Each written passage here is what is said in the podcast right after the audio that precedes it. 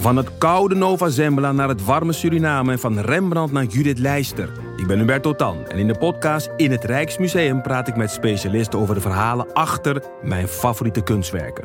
Nieuwsgierig? Beluister nu de nieuwe afleveringen. Kijk, de Jordaan. Daar ben ik geboren en getogen. De nieuwe Nederlandse musical Onze Jordaan van Diederik Ebbingen is dit najaar in de theaters te zien. Koop nu uw kaarten op onzejordaan.nl. Leuk toch? Dit is Man met de microfoon. En hij is met Paulien en Wiek een jaar in Sheffield. En deze keer heeft Paulien de microfoon in handen. Hij loopt. Chris, Ja. jij bent dit weekend naar Nederland geweest. Dat klopt. Ja, want mijn moeder eh, is 80 jaar geworden. En ehm, er was een klein feestje met de familie, een lunch. En toen heb ik heel lang zitten denken van, ja, nee, toen dacht ik, ja, ik moet er wel heen. En eh, toen heb ik de keuze, ja, maar toen heb ik de keuze gemaakt om te gaan vliegen. Terwijl wij dat eigenlijk niet oké vinden meer. Maar ik dacht, ja, anders moet ik heel lang onderweg met een trein. Had je heerlijk in die trein gezeten? Ja, dat denk ik inmiddels ook. Want ik vloog met EasyJet. Ja, ik stap in dat vliegtuig. Ik denk dat de vorige passagiers er nou, serieus een kwartier daarvoor uit waren gelopen. Want het rook nog naar zweet. We stegen niet op. Er gebeurde eigenlijk niks. En toen kwam de piloot. En die ging door de speakers vertellen. We kunnen niet wegvliegen. Want er zijn vliegjes in de cockpit. Um, I'm hoping that this uh, might uh, be sorted promptly, um, but knowing the airport's visit and the way that it runs, it probably is going to be a bit of a delay. I do apologise. This is not I say this is unusual. Um, as soon as we get some insect repellent and spray in the flight deck, then we'll be able to get going. But at the moment, I'm afraid, folks, I'm not happy to fly an airplane when there's a whole bunch of fleas and flies crawling all over us. Um, it's uh, off-putting to say the least. En ondertussen zei hij, uh, not zometeen gaan we Uh, ook I will keep you met een soort vliegengif door de hele cabine lopen. Dan gaan alle luikjes van de eh, bagage gaan open. En dan spuiten we daar een gif. En dan moeten jullie allemaal met je hand voor je mond gaan zitten. Um, it's common procedure for certain destinations, I say in Africa, for this to happen, and it's, the spray is usually um, is usually safe for humans. Oh, I've been told it's safe for humans, and that's what it says in the book. Um, there we go. Um, but that's the procedure that we use for for for um, for that situation. I can see there's a few hands coming.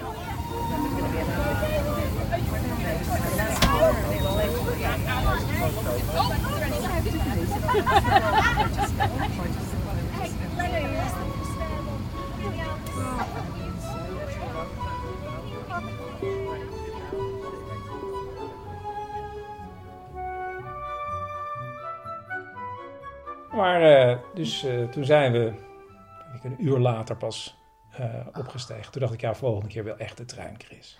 Ja, en heb je die vliegjes gezien? Nee, Dus we weten ook niet wat voor vliegjes. nee, maar je zag een paar mensen ook denken... Hoewel heel Engeland nu in rep, of heel rep, in Ja. Londen zijn ze in rep en roer, omdat ze bang zijn dat de bedwans via de, Parijs. de Eurostar, Ja, de Eurostar, weer terug, weer, nou ja, de, de, geloof ik niet echt, besta wel bestaande nee, het is een hoax. Ja, maar er zijn wel bedwansen, maar Er is geen plaag. er zijn altijd wel bedwansen. Dat is het, ja. Wat ook heel grappig was, want in, in dat vliegtuig is er dan wel een soort, nou, eh, eh, het allereerste beginstadium van paniek bij sommige mensen. Ja, Dus er was een man in een andere rij en die zei, ik wil nu naar buiten oh, tegen een steward. En die steward zei, u mag wel naar buiten, maar dan mag u niet maar dan mag u nu niet meer naar binnen. En toen? Ja, toen zag je die man echt gewoon Oh, Eh, die moest zichzelf helemaal terugpakken en die is wel weer gaan zitten. Maar hij had in principe nog wel naar buiten gemogen. Maar, ehm, want als het gif door, door de cabine gespoten werd, moest alle, al, moesten alle deuren dicht zijn. ja, en sowieso nee, je kan niet qua iemand- veiligheid is het Nee. waarschijnlijk ook zo. Ja. Eh, dat begin van paniek. Ik ben dus in een grot geweest. En daar moesten we op een gegeven moment bukkend onder ja, de hele berg door eigenlijk. toen was ik heel blij dat jij er niet bij was, omdat ik zeker weet dat jij dat niet had getrokken. Maar toen dacht ik ook de hele tijd van, nu niet denken, de hele berg is boven me. Terwijl als je rechtop staat in een grot, is ook de hele berg boven je. Maar als je bukkend, Ja. door een soort gang bukkend moet, dan is nog de berg nog wel iets meer boven je. Ja. En het is heel goed dat jij nu het afgelopen weekend naar een grot bent geweest. Want in een grot vind ik inderdaad niet oké. Dat is een leuke grot overigens. Maar ik vind wel leuk, want hoe heet die grot? The Devil's Arse. En die heette al, altijd al zo, maar toen kwam Queen Victoria daar. En toen is hij snel omgedoopt eh, tot de Peak Cavern. En wat er toen ook is gebeurd, want bovenop die berg, waar, je dus, eh, ja, waar die grot in is, bovenop die berg staat een kasteel. En in de kerkers van het kasteel is een gat naar beneden. En als ze dan mensen hadden die ze hadden gedood of gevangen of zo, die pleurden ze dan gewoon door dat gat naar beneden. En dat kwam dus in een van die kamers eigenlijk uit. En toen kwam Queen Victoria. En toen dachten ze van ja, we nu misschien toch wel eh, even een kleine opruimactie doen. Anders ziet de koningin daar misschien wat beenderen. En toen zijn ze dat dus op gaan ruimen. En toen hebben ze iets van 250 schedels daar weggehaald. En die hebben ze toen vervolgens in een ongemarkeerd graf gegooid ergens bij Hathersage. Wauw.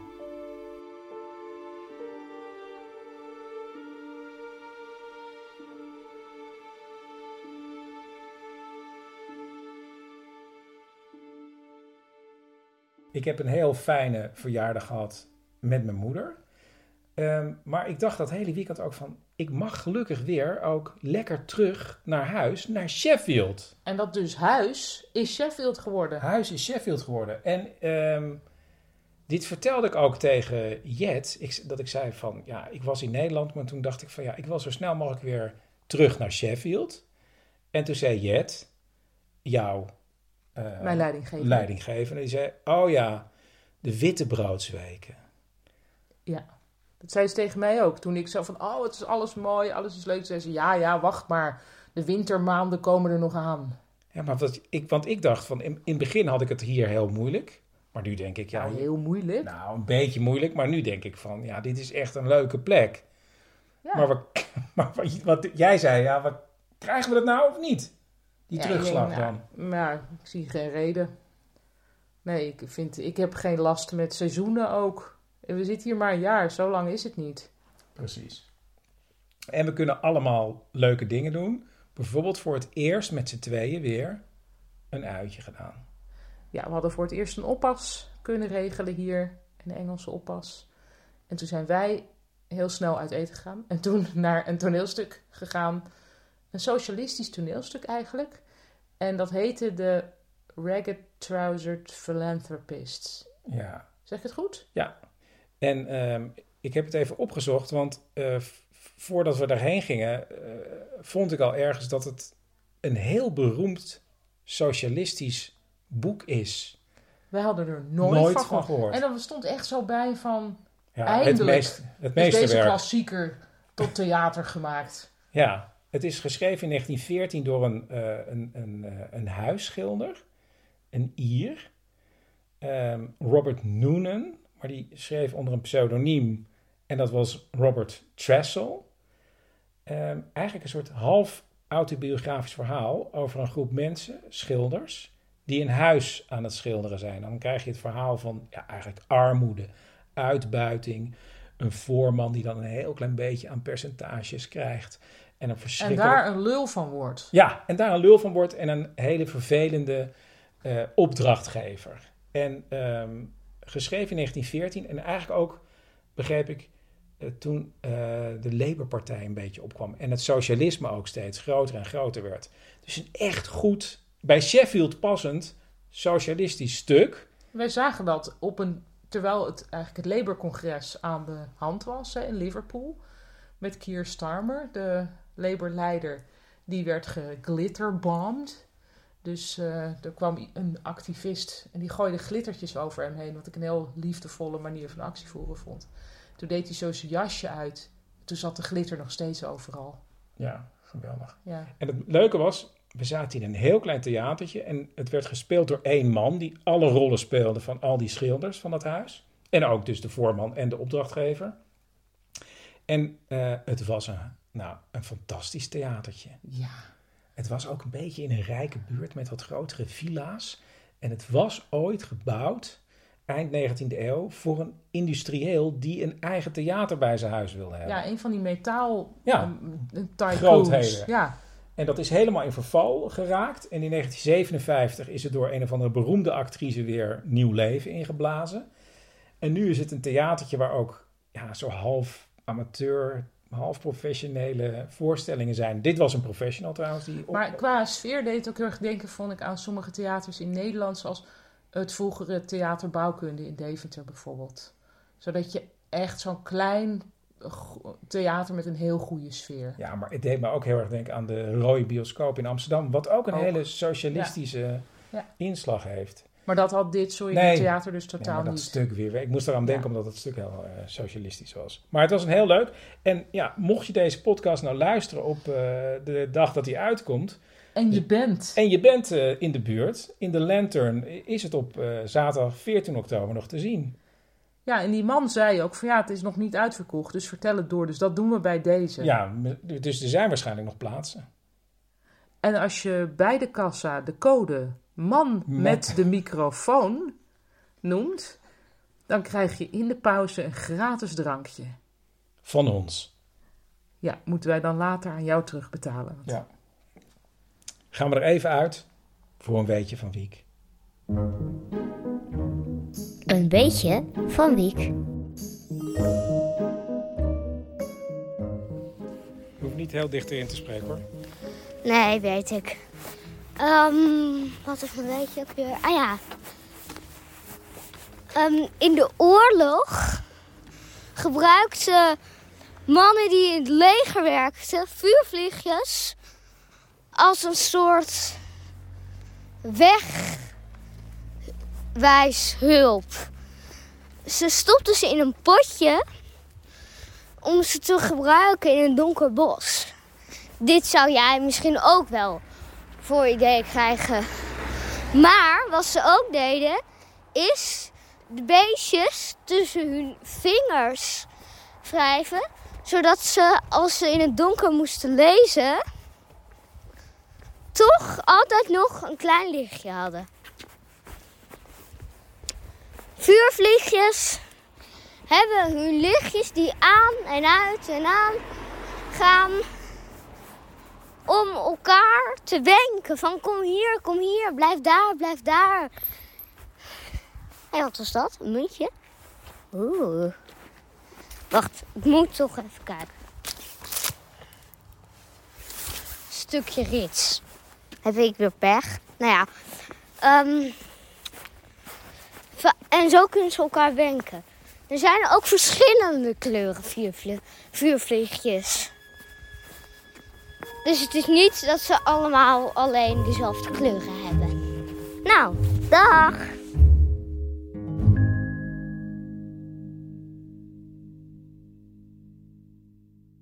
Paulien, de afdeling Dutch Studies hier in eh, Sheffield wordt eigenlijk gerund door twee mensen. Jet Lauwersen, jouw leidinggevende, en Philippe de Keuster. En eh, Jet is geloof ik meer de cultuur- en geschiedenisvrouw en Philippe is meer de man van de taal, toch? Ja, dus als mensen Nederlands willen leren, gewoon de taal willen spreken, schrijven, die lessen krijgen ze voornamelijk van Philippe.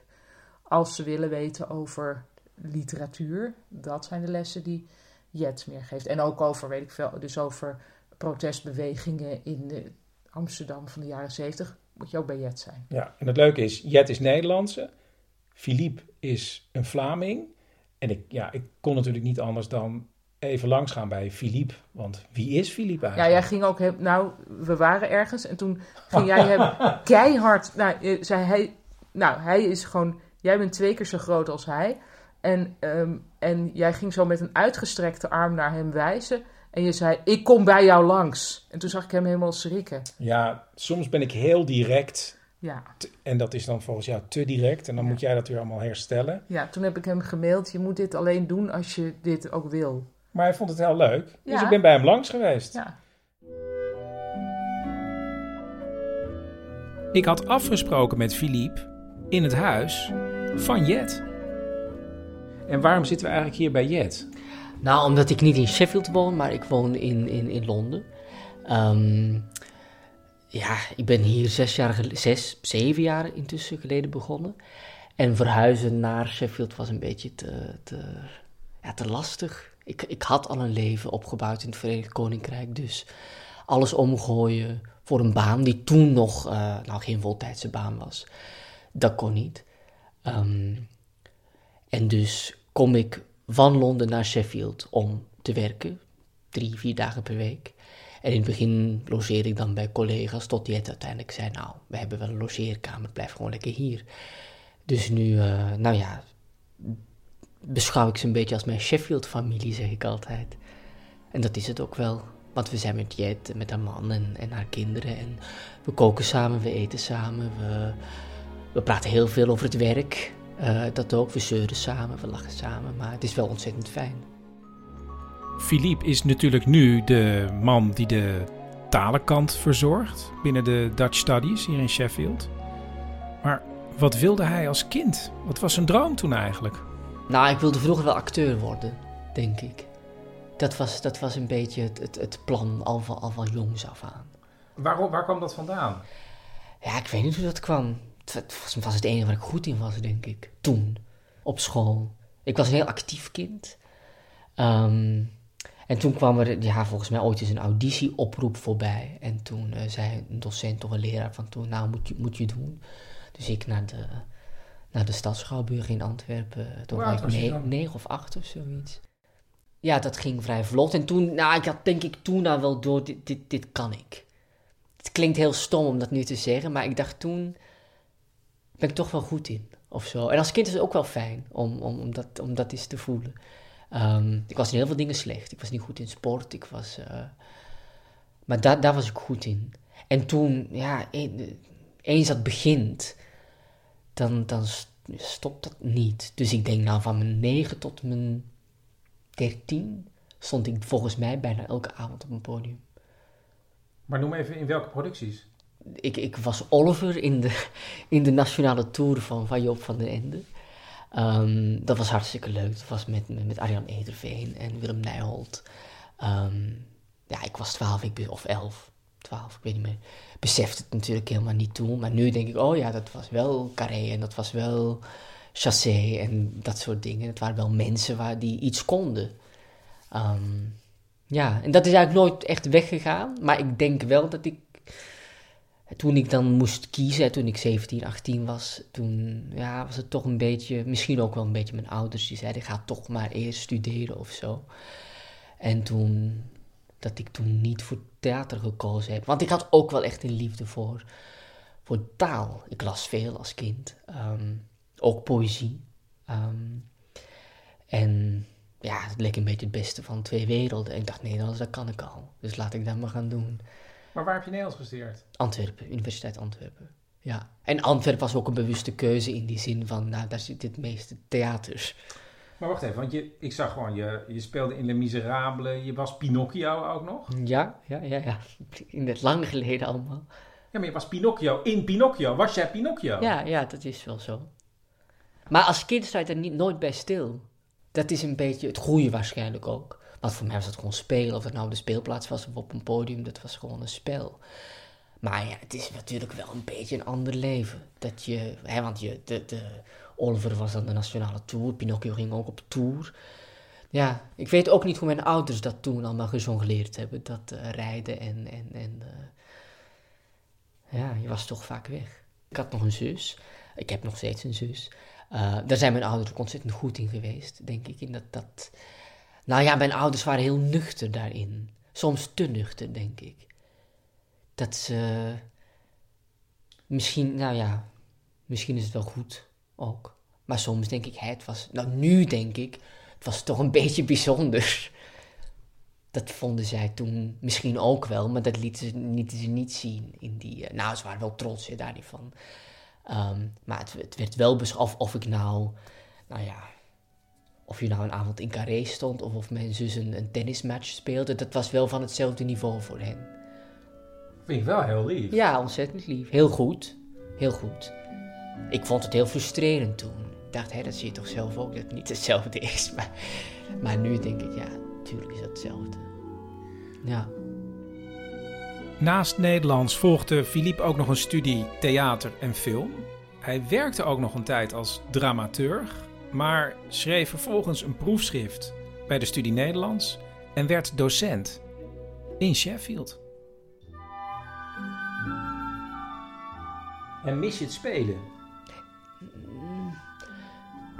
Ik, ik, ik- mm.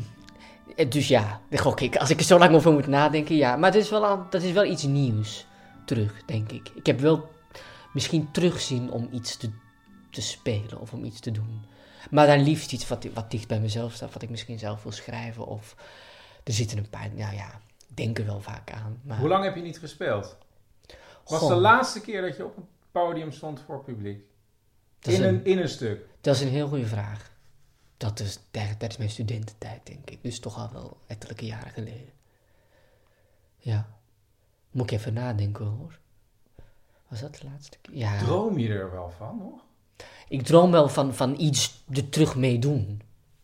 Dat wel. Doe ik nou ook. hè. Ik, ik studeer, ik, ik maak toneelstukken met die, met die jongens, met die. Vertel even, ja, wat, wat doe je? Ja, dit, ik weet niet hoe dat eigenlijk gekomen is. Ik denk, op een bepaald moment had ik een beetje vrije ruimte om, om een vak te geven. En toen ging ik een vak doen rond, hoe heet het? Vlaamse fictie van de zee was het. Dus het ging over teksten eh, die te maken hadden met de Noordzee. Dat was een beetje het idee. Teksten, maar ook een beetje kunst eh, of visuele kunst zat erin. En toen moest ik een, een assessment verzinnen, een, een, een, examen dacht ik, heb ik helemaal geen zin in om, om hier een examen over te doen. En toen dacht ik, laten we gewoon een voorstelling maken met alles wat we geleerd hebben dit jaar. Maar wat zijn dat voor stukken dan? Wat Ja. gebeurt er? Ja, dat is een goede vraag. Ik weet het nooit. Ik vertrek wel altijd van. Ik, ik, ik, ik ben best visueel, denk ik, als ik zoiets maak. Dat is volgens mij heeft te maken met een katholieke opvoeding. Daar ben ik 100% zeker van dat dat is. Ehm, en dan zie ik een beeld voor me en denk ik, ja, oké, daar gaan we van vertrekken. Vaak een schilderij. Wat ik dan ook met de studenten besproken heb in de cultuurlessen of zoiets.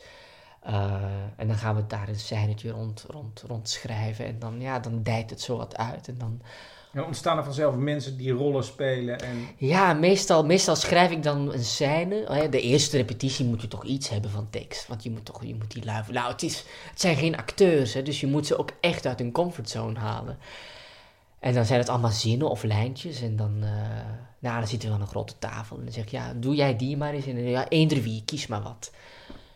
En is er wel iemand die het voortouw neemt. En dan zelfs de mensen die uiteindelijk hebben gezegd... oh, ik wil alleen kostuums doen. Of oh, ik wil toch liefst gewoon alleen licht doen. Of een beetje helpen. Ja, die eindigen toch vaak op het podium ook. Dat, dat, dat lukt gewoon. Is dat charme misschien ook wel van dat je hier in Sheffield zit, dat je een soort klein eilandje, dat je juist ook die vrijheid meer hebt, vraag ik me af.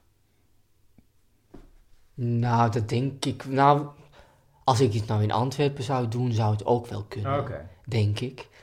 Maar misschien wordt er, meer dan, wordt er dan meer gewicht aan gehangen.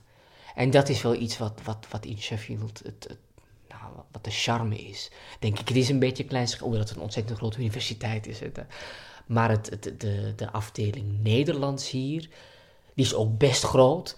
Maar het is wel een beetje een clubgevoel. Het is een familiegevoel. Dat voelen de studenten denk ik ook wel.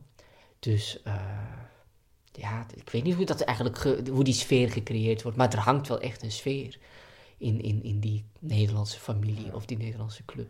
Jij geeft Nederlands. Waar ben je nou tegen aangelopen dat je dacht, ah, dat is ontzettend lastig van onze taal? Ehm, nou, het Nederlands is een makkelijke taal, laten we daarmee beginnen. Dat is, Is dat zo? Ja, dat wordt is er- echt... dat wordt de hele tijd gezegd. Ja, dat is een misvatting. Duits light.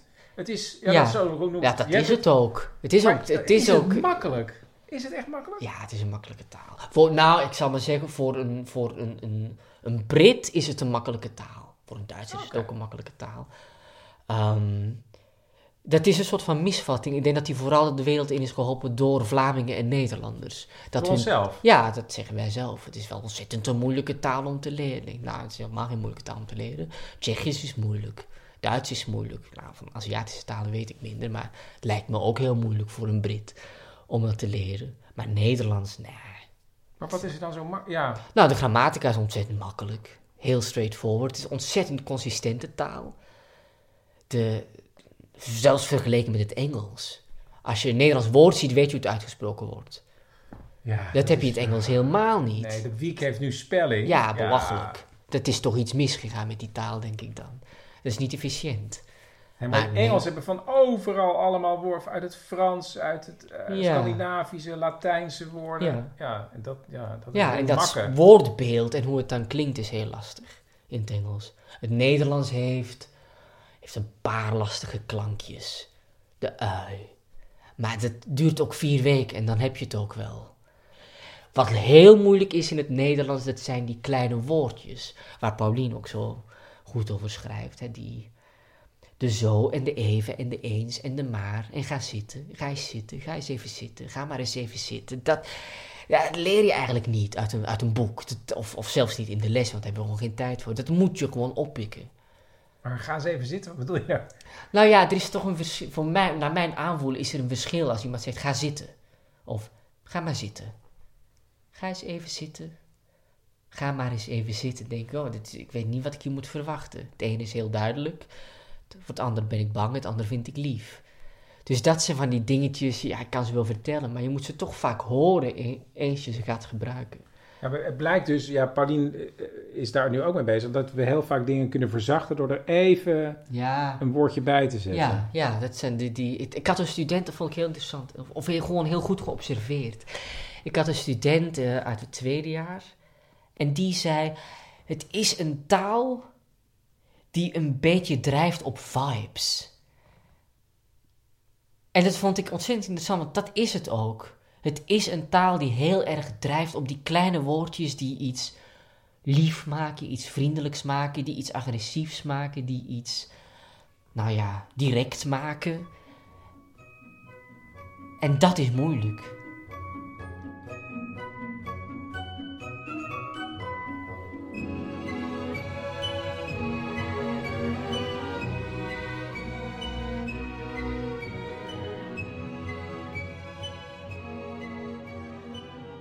Vind je het lesgeven leuk? Ontzettend leuk. Ja.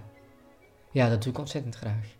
En dat is ook omdat het eigenlijk theater is. Het is, het is dezelfde spier die je gebruikt. Het is een beetje voorstelling die je geeft. Het is, ja, het is voor een publiek, want dat is het toch uiteindelijk. Je moet er reactie van krijgen. Uh, zeker als je taal geeft, dat is ook een beetje spelen. Als je geen verbeelding hebt, kun je denk ik geen taal leren. En je leeft je toch in in bepaalde situaties en je, ja, Dus je speelt ook echt een beetje voor de klas? Of voor de Ja, ontzettend. Ik denk altijd als mijn moeder me zou zien, die zou denken, wat voor een idioot staat daar. Dat moet ook, want er ontzettend veel betekenis komt met, met geluid, met intonatie, met prosodie. En dat snapt een Brit in het begin ook nog helemaal niet. Die, die intonatie in het Nederlands is toch heel anders. Of toch net iets uitgesprokener. Denk ik dan. Ik ben geen, uh, geen taalkundige.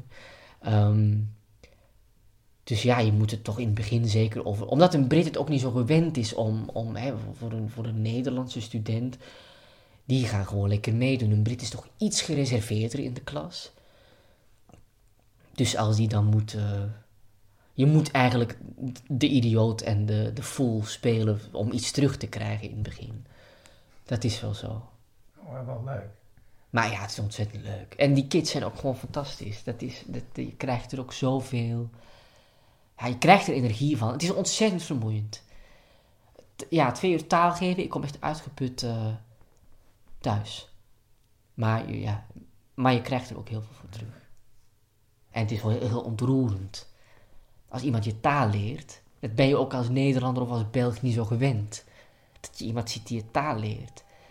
Ja, dat, dat hebben Jet en ik denk allebei wel, dat bij zo'n mondeling examen of zo, als iemand dan afstudeert, dan kijken we toch soms naar elkaar en denken we, god, wat, wat, wat mooi.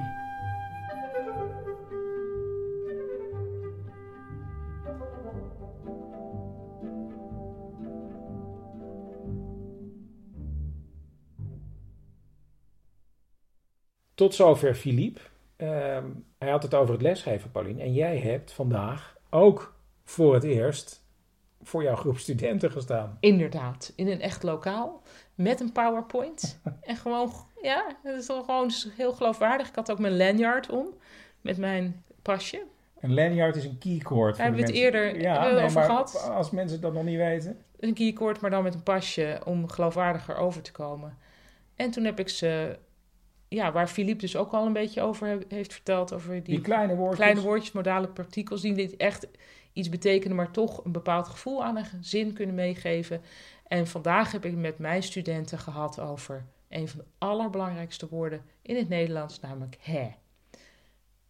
En het leuke is dat ik daar natuurlijk van alles over kan vertellen, maar dat het voor mij ook leerzaam is om hen te zien terwijl zij zinnen vormen en dat je je dan bewust wordt van, oh wacht even, maar daar kan niet een hè. Of nee, daar klinkt het toch, toch raar. Wanneer mag je hè aan het begin van een zin zetten, bijvoorbeeld? Ehm, Hé, gezellig. bij hè gezellig. Maar als je bijvoorbeeld ehm, iets wil zeggen als. ehm, ehm, eh, Hé jongens. Doe nou. Ja, toen nou, weet je, hè jongen, ja, daar kan het. Het is dus heel moeilijk. Je, je merkt gaandeweg, nou ja, eh, more research is needed, maar ehm, dat het vrij subtiel ligt. Waar je wel en niet een hè mag doen. En wat voor gevoel die hè zo'n zin dan meegeeft. En omdat ik er nu zoveel over aan het nadenken ben, krijg ik zelf dus ook wel meer ideeën over. Dus ik vind het echt een heel erg leuk onderwerp eigenlijk. En je bent nog maar net... Eigenlijk is er Is ook er ook eentje. een. Nou, ik weet niet of dat een officiële modaal... Maar ik vind dat zeker zo'n vuller die niet echt iets betekent. Nou, het is een verzachter, want jij maakt altijd grappen over mij dat ik een groentezaak binnen kan lopen. En ik zeg, ik kom eigenlijk voor een krop sla. Ja, zo van, oh, gek zeg, een groentewinkel. En je wil een krop sla. Maar jij vindt het dus op een bepaald niveau blijkbaar te direct Ja. of onaardig om Ja. te suggereren dat Ja. je daar niet voor de gezelligheid komt, maar eigenlijk voor een krop sla. Van sorry, Maar misschien is bent wel- u ook wel jarig en had u taart. Ik- eigenlijk toch gewoon een krop sla. Dus daar heb ik heel veel van verzameld. En dan ga ik ze dus in een aantal sessies ga ik die modale partikels doorslepen. En mezelf ook. Nou, ik ben benieuwd. Misschien horen we er later nog ook eh, weer iets van, eh Paulien. Ja, ik heb in ieder geval de studenten de informele opdracht gegeven om dit weekend met elkaar in ieder geval te proberen om af en toe hè te zeggen. Oké. Nou, hè, we, we zijn er alweer doorheen. Hè, Ja. jammer. Ja. nou, ehm, ik zou zeggen... Tot volgende week. Ja, mijn volgende sessie gaat over hè hè.